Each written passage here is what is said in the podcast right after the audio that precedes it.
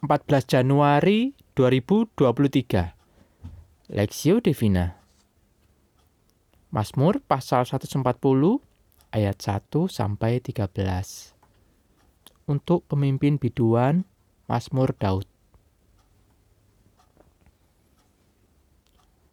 Luputkanlah aku ya Tuhan daripada manusia jahat.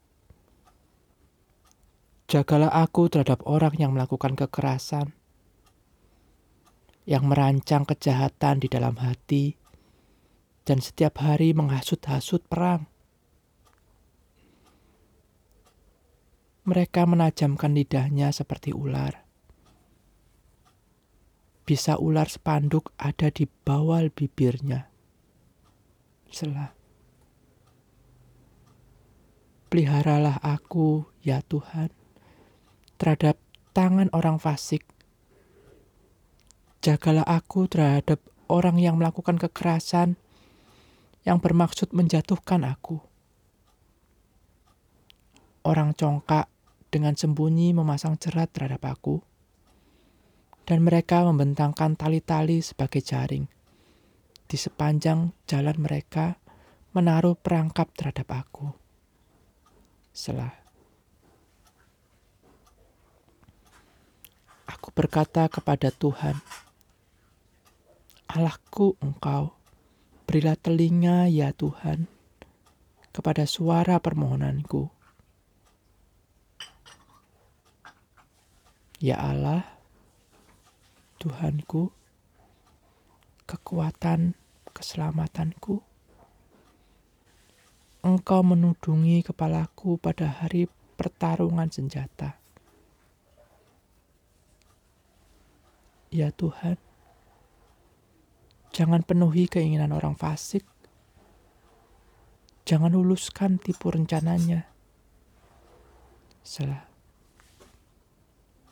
Orang-orang yang mengelilingi aku meninggikan kepala. Biarlah bencana yang diucapkan mereka menimpa mereka. Biarlah ia menghujani mereka dengan bara api biarlah ia menjatuhkan mereka ke dalam jurang sehingga tidak bangkit lagi. Pemfitnah tidak akan diam tetap di bumi. Orang yang melakukan kekerasan akan diburu oleh malapetaka.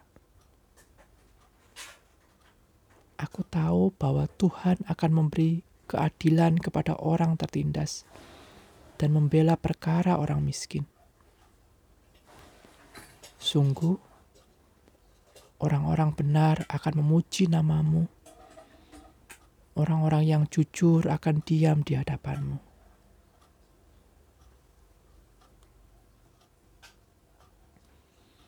Tuhan, tolong perspektif.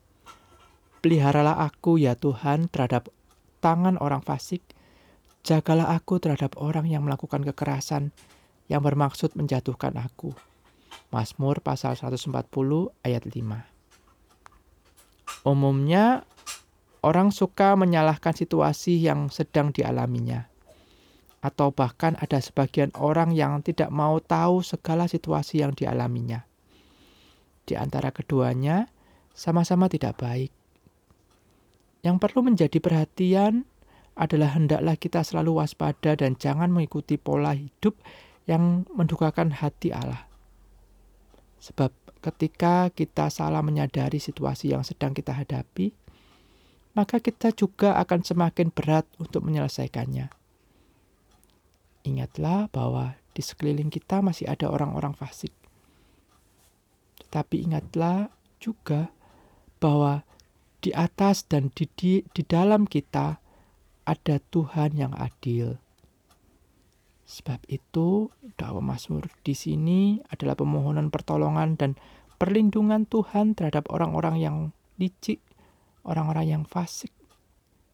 Mereka begitu liciknya dengan sembunyi-sembunyi menjerat dan mencelakakan hidup orang percaya, baik melalui pikiran, perkataan, dan perbuatannya.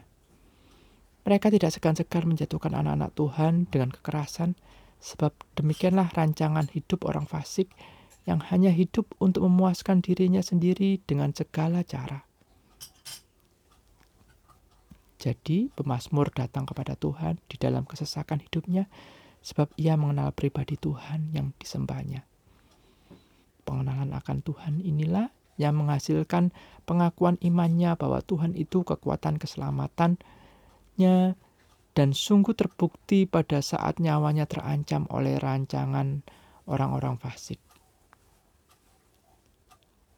Sungguh sangat licik kejahatan orang fa orang fasik biarlah rancangan orang fasik menimpa kepada diri mereka sendiri.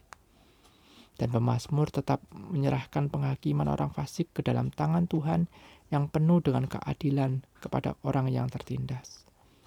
Orang yang tidak dapat melawan dan membela orang-orang miskin oleh karena Tuhan mengasihi orang-orang benar. Oleh sebab itu, sebagai orang benar di dalam Kristus, marilah setiap kita menghadapi pergumulan hidup dengan pertama, tidak menjauhkan diri dari Tuhan. Kedua, semakin bergantung kepada Tuhan. Serta ketiga, percaya Tuhan yang pasti akan menolongnya. Studi pribadi, sampai hari ini berapa dalam kita kenal Tuhan yang telah mengasihi dan menyelamatkan kita?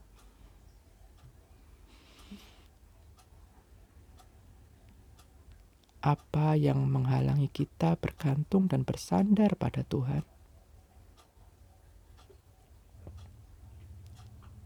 Pokok doa, berdoa bagi para pemimpin gereja Tuhan. Mereka memberikan keteladanan dan keteladanan dalam hidup bergantung kepada Tuhan. Bagi bangsa Indonesia yang sedang menghadapi berbagai macam persoalan hidup bermasyarakat.